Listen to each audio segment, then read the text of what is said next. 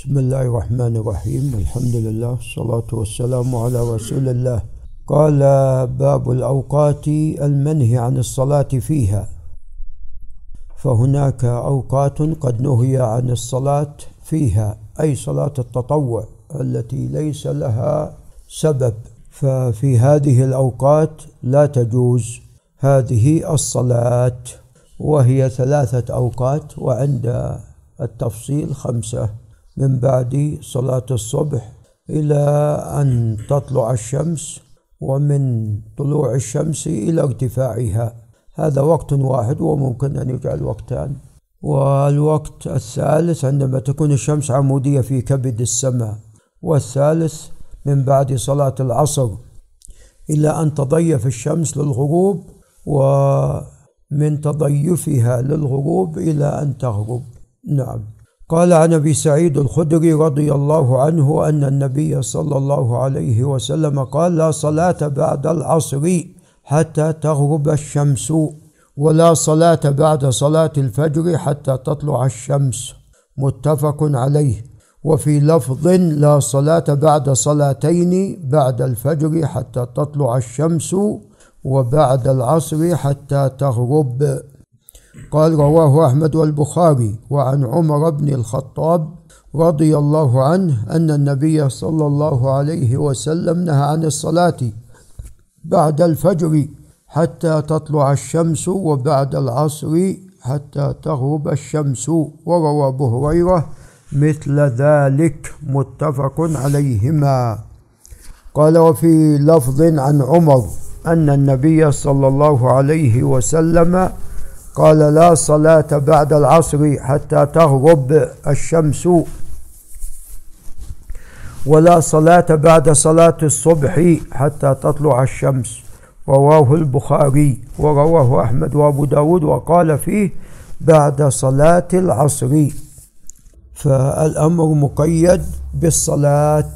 نعم فإذا صلى الإنسان العصر فهنا لا يجوز له أن يصلي حتى تغرب الشمس. بينما الذي لم يصلي إلى الآن العصر لا بأس أن يتطوع. إلى أن يصلي العصر فعليه أن ينتهي. قال وعن عمرو بن عبسة السلمي رضي الله عنه قلت يا نبي الله أخبرني عن الصلاة. قال صلي صلاة الصبح ثم أقصر عن الصلاة حتى تطلع الشمس وترتفع فإنها تطلع حين تطلع بين قرني شيطان. فهذا فيه بيان السبب في النهي عن الصلاة في هذا الوقت. وحينئذ يسجد لها الكفار يسجدون للشمس فلا يشابه المسلم الكفار. ثم صلي إذا ارتفعت الشمس. فإن الصلاة مشهودة محظورة حتى يستقل الظل. بالرمح ثم أقصر عن الصلاة. حين يستقل الظل بالرمح ينتهي الظل. ثم أقصر عن الصلاة. هنا تكون الشمس عمودية في كبد السماء. فإنها حينئذ تسجر جهنم. فإذا أقبل الفيء فصلي. بدأ يزود الفيء. هنا زالت الشمس إلى جهة المغرب. فإن الصلاة مشهودة محظورة حتى تصلي العصر. ثم اقصر عن الصلاة حتى تغرب فإنها تغرب بين قرني شيطان وحينئذ يسجد لها الكفار.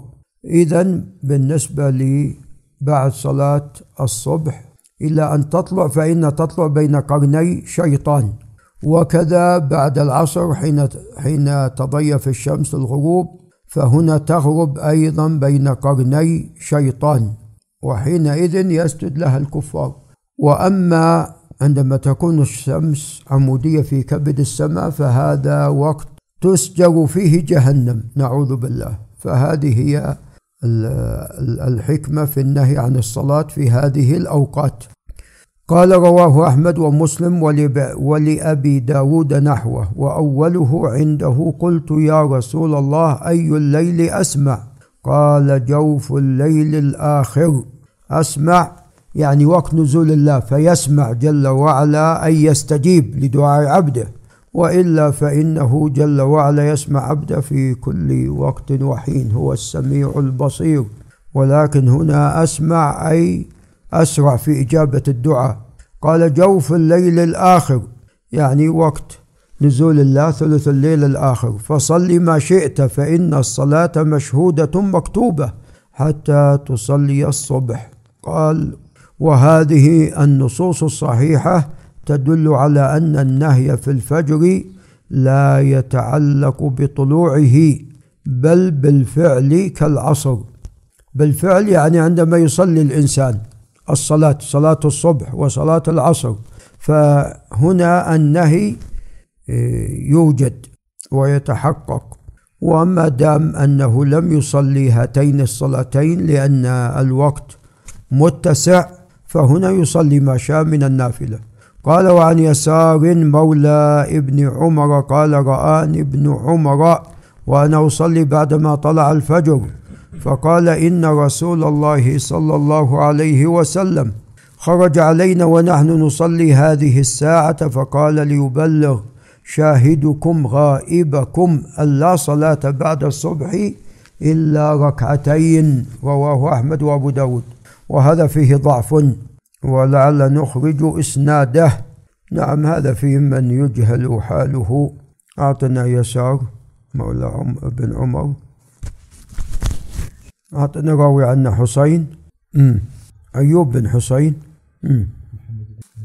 نعم إذا أيوب بن الحسين مجهول التميمي. عن أبي علقمة إيه مم. نعم على قضاء إيه مم. مم. مم. كلام من هذا؟ مم.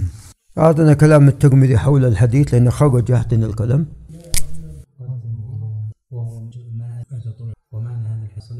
أقرأ الإسناد مرة أخرى إيه أحمد بن محمد بن أعطنا قدامة بن موسى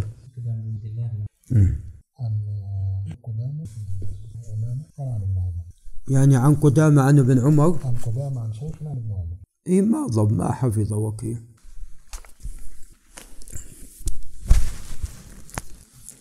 نعم المهم هذا الخبر لا يصح.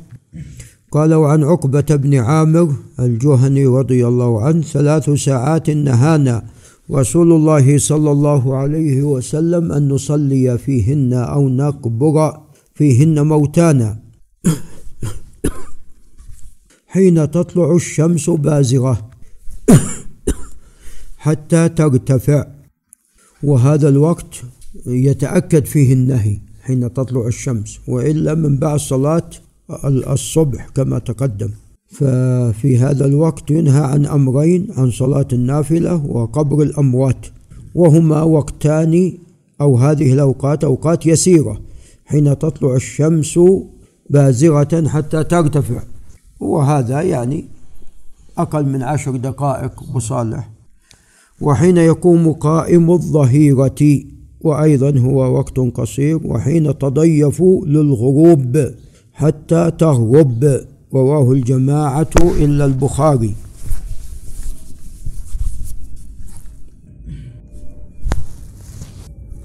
قالوا عن ذكوان مولى عائشة أنها حدثته أن رسول الله صلى الله عليه وسلم كان يصلي بعد العصر وينهى عنها ويواصل وينهى عن الوصال. قال رواه أبو داود. وهذا لا يصح. أعطنا إسناده.